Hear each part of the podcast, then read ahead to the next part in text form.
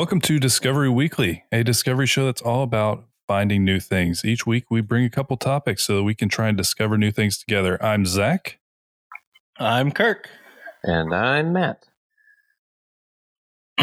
and I don't know a lot about basketball. Um, but I did see something that was really cool this week that has something to do with basketball, and it had to do with the first ever fan that was inducted into the Hall of Fame for the NBA. I heard about this. what I loved was the story. And I, I'll admit, this is actually coming from a whole Twitter thread because this guy, Joe Pompliano, no idea who it is, probably like some big basketball person. I don't know. Um, he, he has like this whole, this dude's whole story con- in a very concise way. I looked up so many articles about this guy and it has bits and pieces, but this guy has his whole freaking story. So I'm going to go through it like that. Um, it's all about this guy, and his name is Nav Bhatia. Um, and he came to Canada fleeing political turmoil, and he became a mechanical engineer. But because of his turban and his long beard and just racism, he was having some issues finding a job or doing even though he was like really high up as a uh, where he was where he was from. He was overqualified for everything, but he wasn't able to get a really good job. So he ended up taking a job as a car salesman, and he wanted to prove that hard work trumps hate. Um, so through a unique combination of hard work, friendly personality, and catchy radio ads, he became the best car salesman in Canada, like all of Canada. He sold 127 cars in the first 90 days of the job. That's pretty solid. 127 cars. Um, and apparently that record still stands today. Like still the most cars that were sold in 90 days by one person in all of Canada. Um, he ended up becoming the general manager of that dealership. Uh, and he ended up buying it in, in the long run because he was so successful. So he ended up basically owning multiple car dealerships. And uh, he was just extremely successful due to his hard work and everything like that. Um, but he even had issues with when he would buy a a company like a, a dealership. A lot of the employees would just quit because they didn't like that he was a Muslim. They didn't like that he had a turban and all this other stuff. Um, but he always found a way to make it work. So um, he ended up in uh what year was it? He ended up becoming a millionaire. Um and it gave him the flexibility to pursue his other passion, which was basketball. And that's where the Raptors came in. In 1995, they got, I guess, named the NBA's 28th franchise via league expansion 1995, and he bought season tickets.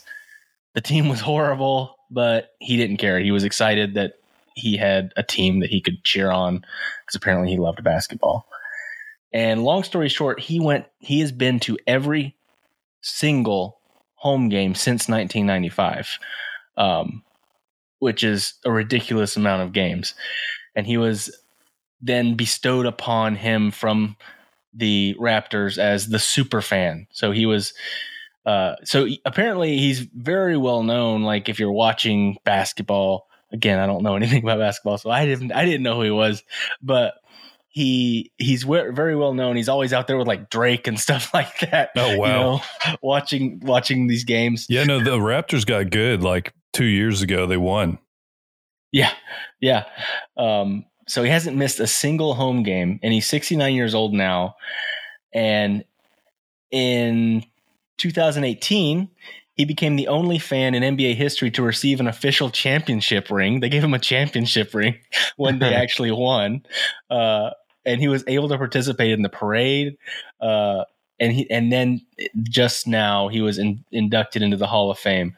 But I really love the quote, and I mean, I literally like almost teared up a little bit reading this because it's a really cool story for one. Just going through all this adversity, never giving up, and also just kind of in the face of hate for decades, just pushing through and becoming just still knowing you got to be a good person and and stuff like that. He said, "I made a promise as a kid to my mom that I would never remove my turban.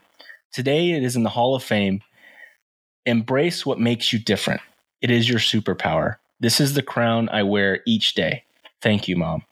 Um, and now, because he's a millionaire and he has plenty of money to spend, he spends three hundred thousand dollars annually to send thousands of kids to Raptors games. He intentionally makes sure that he picks kids from different backgrounds. So like black kids, white kids, rich, poor, Christian, Muslim, and he makes them all sit together at, at these games because he wants people to get to know people that are different than them. And it's just, I don't know, the story is just amazing. And it's really cool that, you know, the first fan ever inducted in the NBA Hall of Fame is this guy. I don't I don't think there's anybody that's more deserving than him. So I just thought it was a really cool story. No, that is a great story. You know, and uh, it's it's so easy to like because sometimes sports are just sports, but then sometimes they change. You know, so sometimes there's these really like human elements that happen in there that really make it special, and this guy is definitely part of that. Yeah, I remember reading that and being like, "Damn, Nav's the man." yeah, like, yeah, Nav's the man. Yeah, he does sound like the man and yeah, that, that that takes incredible fortitude to be able to withstand everything that he did and still be a generous and like fun person at the other side of it. You know, it's it's pretty incredible. So I felt like it had been five minutes or so since we brought up Atlas Obscura, so I needed to do it again. Um, fantastic website, check them out. Not a sponsor, um, but basically they had this article that's all about a cooking competition in the Pacific Islands that the whole point of it is to raise awareness for disease, essentially. so there is a show called Pacific Island Food Revolution, and it's it's a food competition show. But I think the quote from this article is uh, it makes I, I need to find this quote because it is really good because basically they didn't want it to they know how popular shows like Hell's Kitchen and things like that are, but they didn't want to go with that vibe necessarily. The drama vibe. Yeah, because it is it, it is ridiculous how over the top it is. But basically uh, I'll, I'll, paraphrase it because I can't find it right now. But they said something like, "This show makes the Great British Baking Show look like Mad Max. You know, so it's very it's it's very laid back, and that's editorialized. I disclaimed it, but yeah, they basically this is a very laid back show where they're all about trying to cook things with native ingredients because apparently after reading about this they think that one of the main issues with um, pacific islanders in general is that there is uh, heavy reliance on like processed foods that are extremely mm. calorie heavy and nutrition light. And so they have very, very high levels of obesity. And that also goes with heart disease, um, diabetes, and uh, several other issues that are weight related. And they think that a lot of this is because of like colonialism. So they lost and globalization. So they lost a lot of their cultural history and kind of the way that people in those regions had lived and eaten for thousands of years because of all of the the turmoil caused by colonialization basically. And so they they started to shift from what was originally their kind of cultural foods to things that were easy easy access. Um, but essentially non-communicable diseases like diabetes and heart failure and things like that are 70% of the deaths across the the pacific so oh, wow. it, it's a it's a, a, very high percentage. Oh, it's a major issue. They said um, there's 800,000 people in Fiji, and every day three Fijians undergo an amputation due to diabetes, damaging oh, their extremities. Cow. So it's something that's really uh, really become an issue. But then you get to how they're trying to do it, and they're trying to they're trying to like address some of these issues by just making a great show. So there is uh, one host named Oliver, and there is another host, and I'll try to find their name as well. But basically, they want to highlight the food, and that's their main premise. So they basically have teams of two, and I think it's 12 of them, and they all try to cook with native like Pacific ingredients that are that are healthier. I don't even think that they make that really a, like a rule. It doesn't have to be healthy. It just has to be whole foods like from the region, you know. And so the entire premise behind this is just show people how good the food is to try and address this.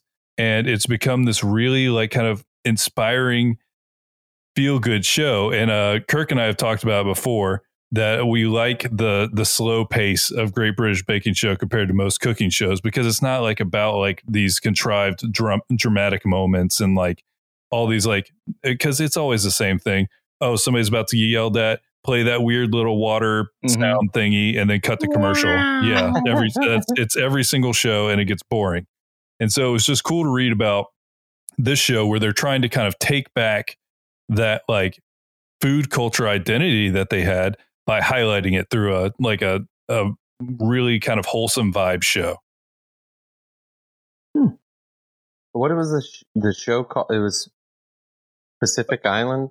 Yes, was it the the show is called Pacific Island Food Revolution. Oh, okay, okay. Sorry, I uh, mistook that as there is a Pacific Island food revolution, and these guys, this show is heading it. Uh, I mean, that's what they're trying of, to do. Yeah, that's crazy though. Oh, actually, the other host of it. Last thing, the, the other host of it is literally a princess. It is a royal uh, royalty in the area, and I will yeah, I saw that. That try to- name is so long. I can't even. I'm not going to try. And here's the thing: I want to say her name, but there is literally zero chance on this planet that I say the name even remotely correct, and it feels worse to do that. But it is. Uh, she's a princess uh, from from from uh, the Pacific from the Pacific region. Can I say it? Yeah, go for it. Salot mafile o pilaluwi chuita. That's that's seems good. She is the royal princess of Tonga. Oh, a Tonganese uh, princess. hmm And she's Oh, the wow. other host, and then the other one's a chef. And together they're trying to uh, change how Pacific Islanders look at their food. The dishes That's look awesome. really good. Mm. And of course, the background's got to be ridiculously I bet beautiful. it's crazy. Oh, like they show one on set here, and it's literally just like palm trees and like coconuts, and then just like the water. But yeah, so if if you like a Great British Baking Show, this is another show to try and see if you can find it because I think it's a, a nice wholesome vibe like that. Nice. Well, uh, my first uh, discovery today was I was doing an event recently, and one of the artists there, James Hartzell, was giving out some pens and magnets and stuff for a for a project that he works for, um, the Jack Kerouac project. Um, I think he specifically works with the house here in St. Petersburg but I'm going to speak with about the uh, Kerouac Project of Orlando because you, if you are a writer, can apply whoa. to submit to live in the Kerouac house for uh, let's see for how many how many days? Uh, oh my God, it's for like three or four months at a time. Wow. Yes. Um, I'm now looking I don't into it right now. This is fascinating. I know. So this um the residency I don't think is in the actual Kerouac house here in St. Petersburg, but um, it's a residency that's provided to the writers where you stay, your utilities and food are provided for up to a thousand dollars. Um, all you're required to do is work on your writing project, participate in three events, a welcome potluck dinner. Ugh, you gotta do that. Jeez. a final reading of your work at the Kerouac House at the end of your residency, and a public reading at Valencia College. And they also offer you opportunities for you to participate in other readings, lead workshops, and interact in other ways with the vibrant Central Florida literary community. Um, this is awesome. I had my eyes opened to residencies, artist residencies recently, um, because Zach, you know, Mark and I have been going out to this cabin, and it got me thinking, like, come on, there's got to be more to this shit. Like, come on. Um, and there is. Did you guys know that nearly every single, every single national park has a residency program, an artist in residency program? What? What? Yeah, where you can go, you apply, you submit, and you can live there and work on your shit. What is the requirement of being an artist? uh, I think they're pretty loose. You just have to prove to them that you do That you something. do an art. Yeah. And um, back then I was like, oh, I want to do this as a as a musician. But my God, the idea that you can do this as a writer is like like what are you writing? You can write anything. No, I mean, I'm, I'm immediately thinking like, can we take like a vacation? And be like, we all three do a podcast, and we need to stay at the Grand Canyon. yes. you know, if I were in charge of the Grand Canyon, I would say yes. Call the president of the Grand Canyon. Get him on the phone. Let's find out.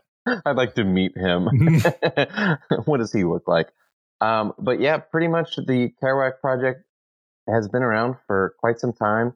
As you may or may not know, uh, Jack Kerouac was uh, one of the original beat poets, around with uh, Ginsberg and, and Burroughs and all these great other greats. Um, but he lived here in St. Petersburg and actually died here in St. Petersburg. This was the last place he lived. And I learned this because I, I, w- I portrayed Jack Kerouac at a, at a comedy roast and I had to do some research on myself or him. uh, but I learned that he uh, got beat up really bad because he used to drink at the Flamingo Bar all the time. Which, if you go to the Flamingo Bar, you can get the Kerouac special, the shot of whiskey and a Yuengling. Then they beat you up. yeah, then they kick And a your punch ass. in the but uh, but you he uh, supposedly drank there so much he would get in altercations with people by like berating them, and then they would bring him outside and beat him up. It happened twice, and on the second time he was beat up so bad that he uh, died because of his cirrhosis. He didn't heal well. Oh And, uh, God. oh and just wow! died. Yeah, everybody That's, says uh, that uh, Kerouac drank himself to death, but he actually got beat up so bad. I mean, but the it sounds like both of those things were tied to the uh, the alcohol. Yeah, they didn't work together very well. That's wild. But no, yeah, that sounds awesome though with the Kerouac project. yeah, definitely check it out I because they- really want to do this. Yeah, they've been around forever, and uh, you know, all you have to do is submit. I'm look. I'm looking at the application. No, hey, stop filling out the application. Just wait a So, second. I I uh I've never written anything, but I've been reading. I've been reading what is it, Islands in the Stream by Hemingway, and I Mm. really like his writing, like the way he writes. I know that there's some issues with some of the stuff, but uh, I like the way that he writes, hmm and it makes me really want to learn how to write. It makes me want to be a writer. I I don't want to, you know, drink myself to death nor commit suicide I don't. like I don't think that's Uh, required. but I, I I think it would be really cool to learn how to write. No, I think that's great. Oh, you know, actually, one of the one of the things you have to do is drink yourself to death. Yeah, no. beat When you sign up for the I'm a writer It now.com, does kind of seem like send it's you a a part bottle. of it from what I've seen. so Um, but yeah, very cool. Definitely check it out. See if it's worth your while, writers. I'm gonna get right on that. Um, so I have found a very interesting. Uh, I guess it's a team building experience that they do in Japan, and uh, I didn't know that culturally, people don't cry in front of each other or around each other, anything like that at all in Japan. It's very taboo.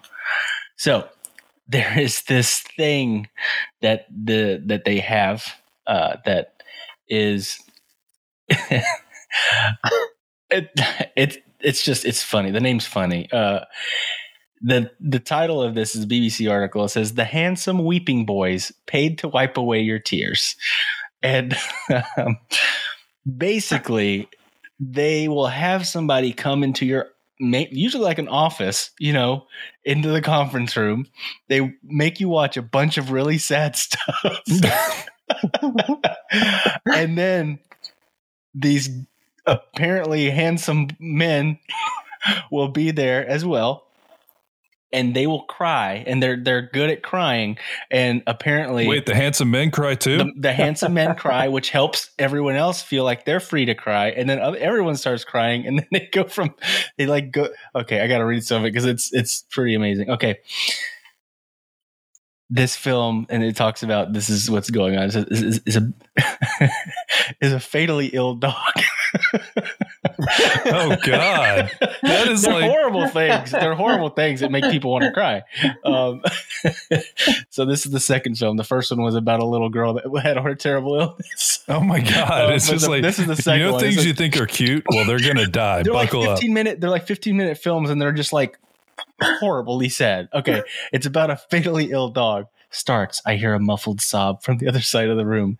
Minutes later, there are some loud sniffling noises to my right. Within 15 minutes, half of the room is staring at the screens, tears streaming down their face. The man showing the films begins to walk around and, with a large cotton handkerchief, softly wipes away the tears from people's faces. He diligently refolds the handkerchief for each person to offer them a dry patch. This is the most surreal thing I've ever heard. Uh, and, and there's some quotes in here from the the guy that started. He said, "When I started running these workshops, there were some quite awkward moments." Oh, really? the man with the handkerchief tells me he was a model, good looking, and is taking his tear wiping role very seriously. Uh, I wasn't practiced enough, and so couldn't cry easily. And this would mean the audience couldn't cry either. But it's much better now. I can cry, and so others follow. um, and I love the job title. His job title is Ikemeso Danshi or Handsome Weeping Boy. That's what they actually are called is Handsome Weeping Boys. Handsome weeping boy. That is Um, Wow. wild. It says Japanese are not used to crying in front of people, but once you cry in front of others, the environment will change, particularly in business. So basically, it's a team building oh experience. Oh. Oh, you these- take your whole the whole workplace Yes. to go cry together? Yes, yes. Because then you empathize better with each other. You work better with each other and all this other stuff. So what? Like afterwards, you're like Cheesecake Factory, everybody. Like, yeah, yeah. It also seems like a good way to out the office sociopaths. Yeah, just watch the s- watch the dying puppy, and it's like, no, no, no, I don't feel anything. Just this big smile on their face. Uh, companies can choose from a selection of handsome weeping boys. One is a trained dentist who does this on the side, while others play the part of either a gymnast, a funeral director, or a shoe shiner. what? What does that mean? They play the part. There's like, oh, I'm just a shoe shiner. Do you need I to cry? guess. I don't know. It's just That is it's fascinating. crazy. Uh, and there's but there's other details about the guy that actually started it, and um, it's it's it's an interesting. There's so many really interesting things that they do, specifically like in business or like I don't know. Japan is it's a whole other world. Speaking of otherworldliness from Japan, I found the most expensive toaster I've ever seen. It is a it is a company called Balmuda, and they have toasters that run for three hundred and thirty dollars. so the Balmuda is essentially a very fancy toaster. They have like apparently it's a toaster oven. It's a they you can do there's different bread settings for different types of bread. There's a pizza setting, and their whole ticket is you pour five cc's of water in the top, and so it steams your toast as it happens.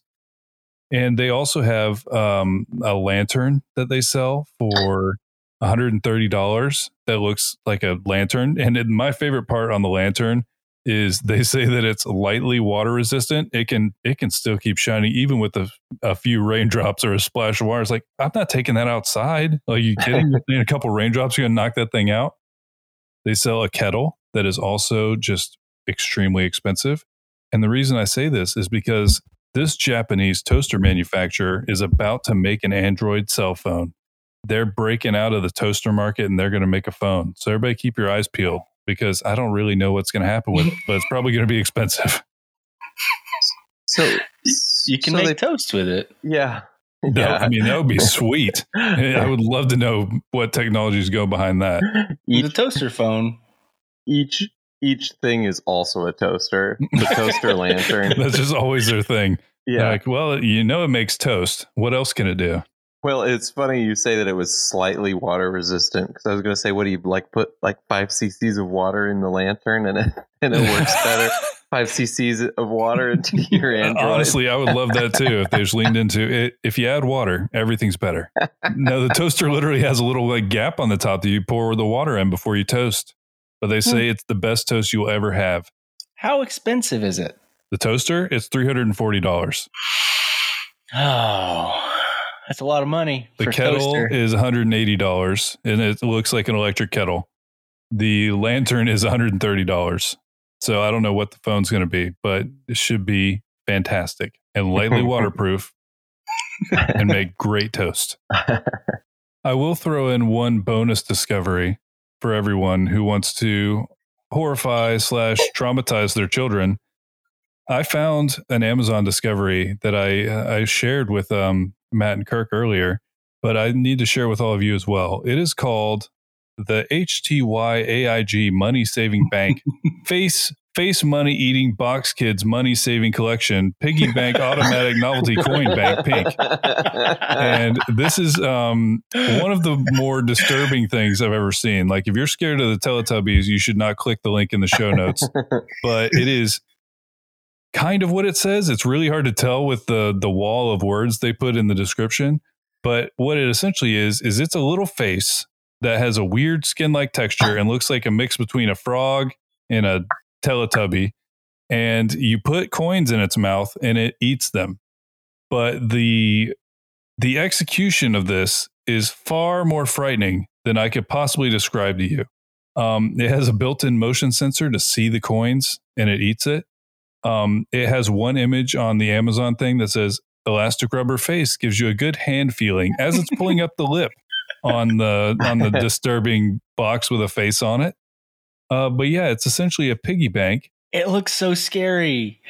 And I Um, think it only holds like four coins. Uh, no, somebody somebody said that on here. Somebody's like gave it a terrible review and they're like, it holds. Oh, here it is. Terrible. Does not pull grab coins at all. Just opens the mouth sometimes, but you have to physically push each coin in. So I just imagine them force feeding this thing and it just like moving its mouth. It's terrifying. I, Bank uh, also I'm only holds about five right dollars now. at most of coins. Worst sixteen dollars I ever spent. Too bad my daughter threw away the box and I couldn't even return it. okay, I'm watching the video. Have you watched the video for one? Yeah. And the whole video, whoever's taking the video, their thumb is in it the entire time. Yes. One hundred percent recorded on a cell phone with the thumb Yes, strategically entire placed in the Has video. the thumb on it. Oh, it's the best. It's- I, uh, I also stumbled upon this. It says warning, choking hazard. This toy is a small ball, not for children under three years. What? what? So yeah, this is all over the It's place all on the, over the place. yeah, and then also frequently bought together is a desk size wacky waving inflatable arm tube guy, and 200 pieces mini plastic babies mixed race for baby shower party favor supplies ice cube. like so, we're just in full on weird.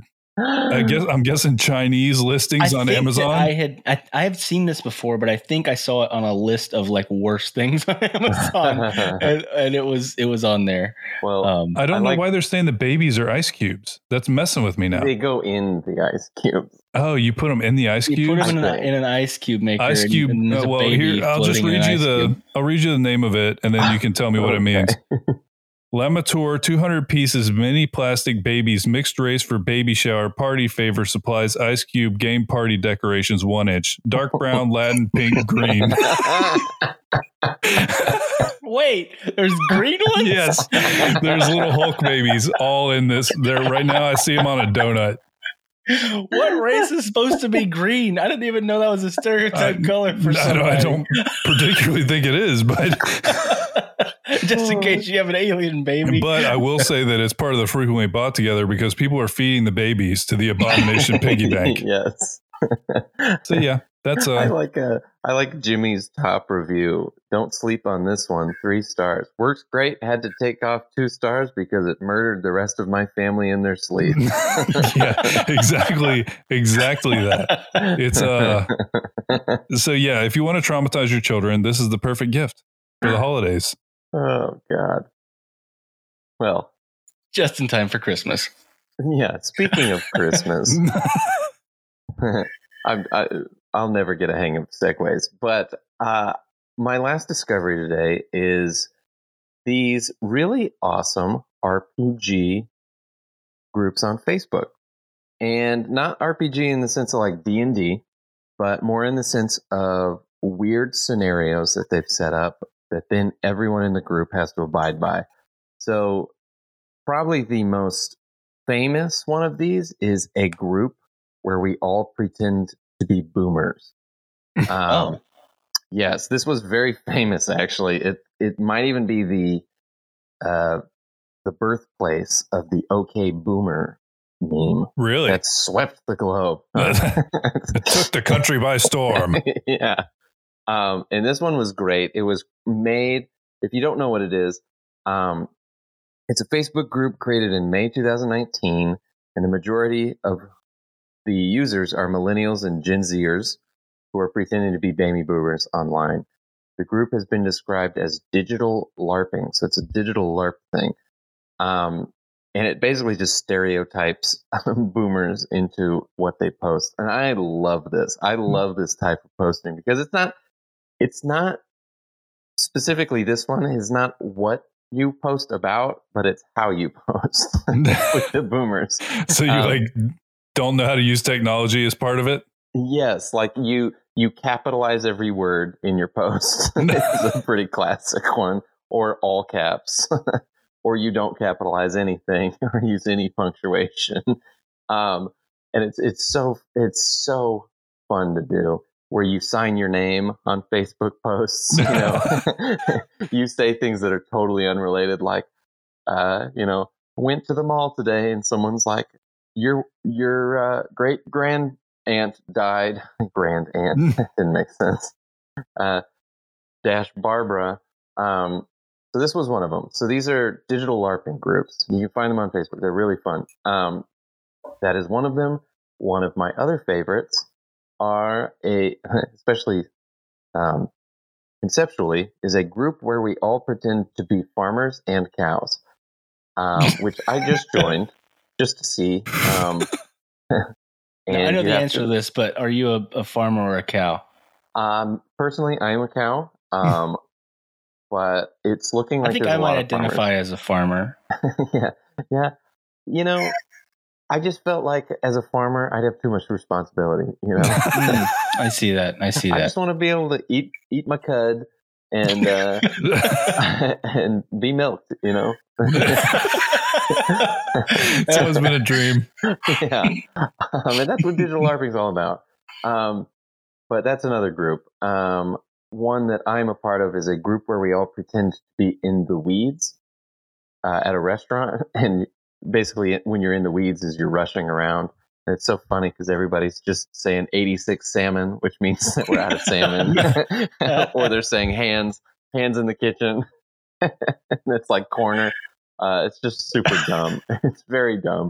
Um, but oh, another one that was pretty famous was the uh, a group where we all pretend to be working at the same office, which kind of got popular during the pandemic, which is sad. Everybody missed it. Everybody missed the office environment.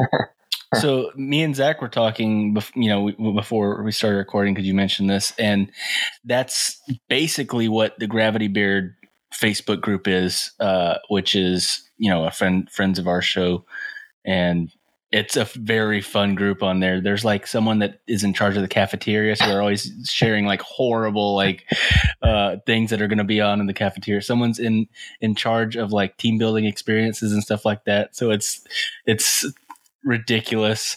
Um, yeah, it's they're they're all interns. They're all interns, so everyone's unpaid, but we're all interns at the same company, uh, and uh, it's it's pretty great. I love them. It, they're so fun, and just like what we were talking about before uh, on our podcast discovery, it's the more you buy into it, the more fun it is. Um, and I found this article that kind of surprised me. So surprised me, but then didn't surprise me. But these these groups have showcased how Facebook has been struggling with their moderation uh, issues. And I say this because it starts, you know, very uh, fun. A farm, a group where we pretend to be farmers and cows. Uh, another one, a group where we all pretend to be middle-aged soccer moms. Um, and they can very quickly, as you might understand, like they can very quickly become very mean, you know, where um, just reading some of the ones that pop up. Um, this one is uh, in the middle aged soccer moms. It's someone, one of the quote unquote soccer moms has posted, uh, Coach Randy, how soon can your divorce be final? Always in Christ, Mary Sue. Oh, God. um, but basically, I, I'm a part of this one, and I, I, can't even tell you. I'm an admin on the weed uh, in the weeds one, and there's like twelve thousand people in it, and I get notified by Facebook almost daily, like multiple times in a day, that due to Facebook's moderation, that po- this particular post cannot be posted. It's been reviewed and re- uh, removed. Um, but the it this article talks about how the toxicity of stereotyping brings out into the real world. But I would also argue that it exists out in the real world and then it comes into yeah the, the groups. Um, but there's also some stuff, and this made me laugh when, when we talked about it earlier, but uh, you can't see it, but there's a, like a senpai version of a cow in this farmers and cows group that is very explicit. I, I don't think I expressed to you how explicit it was, but um, like it's it's censored on this article. and, and it's censor a cow? Well, because it's showcasing a part of the anatomy that is messed up on Facebook, I guess. Um, it's just it's crazy how this can all of a sudden go up to this. Um, one of the members says, "I don't want the group to be a place for people to brew hate and cause upset, even if it's supposed to be satirical," uh, which is pretty crazy. Um, that these things can just turn into that immediately, and because of this, like a lot of Facebook's saying that they're not going to do anything about it. They're they're going to leave them be and just remove stuff when it pops up, which is mm-hmm. like thank God, because um, we'd miss out on some really great stuff. yeah, that's wild. Well, I guess that's all our discoveries for this week. Thanks so much for listening, and we will talk to you again next week. Bye, guys. Have a great week. Bye. By the way, you're over here applying for the Kerouac project. I'm like, I'm applying to be a weeping boy. this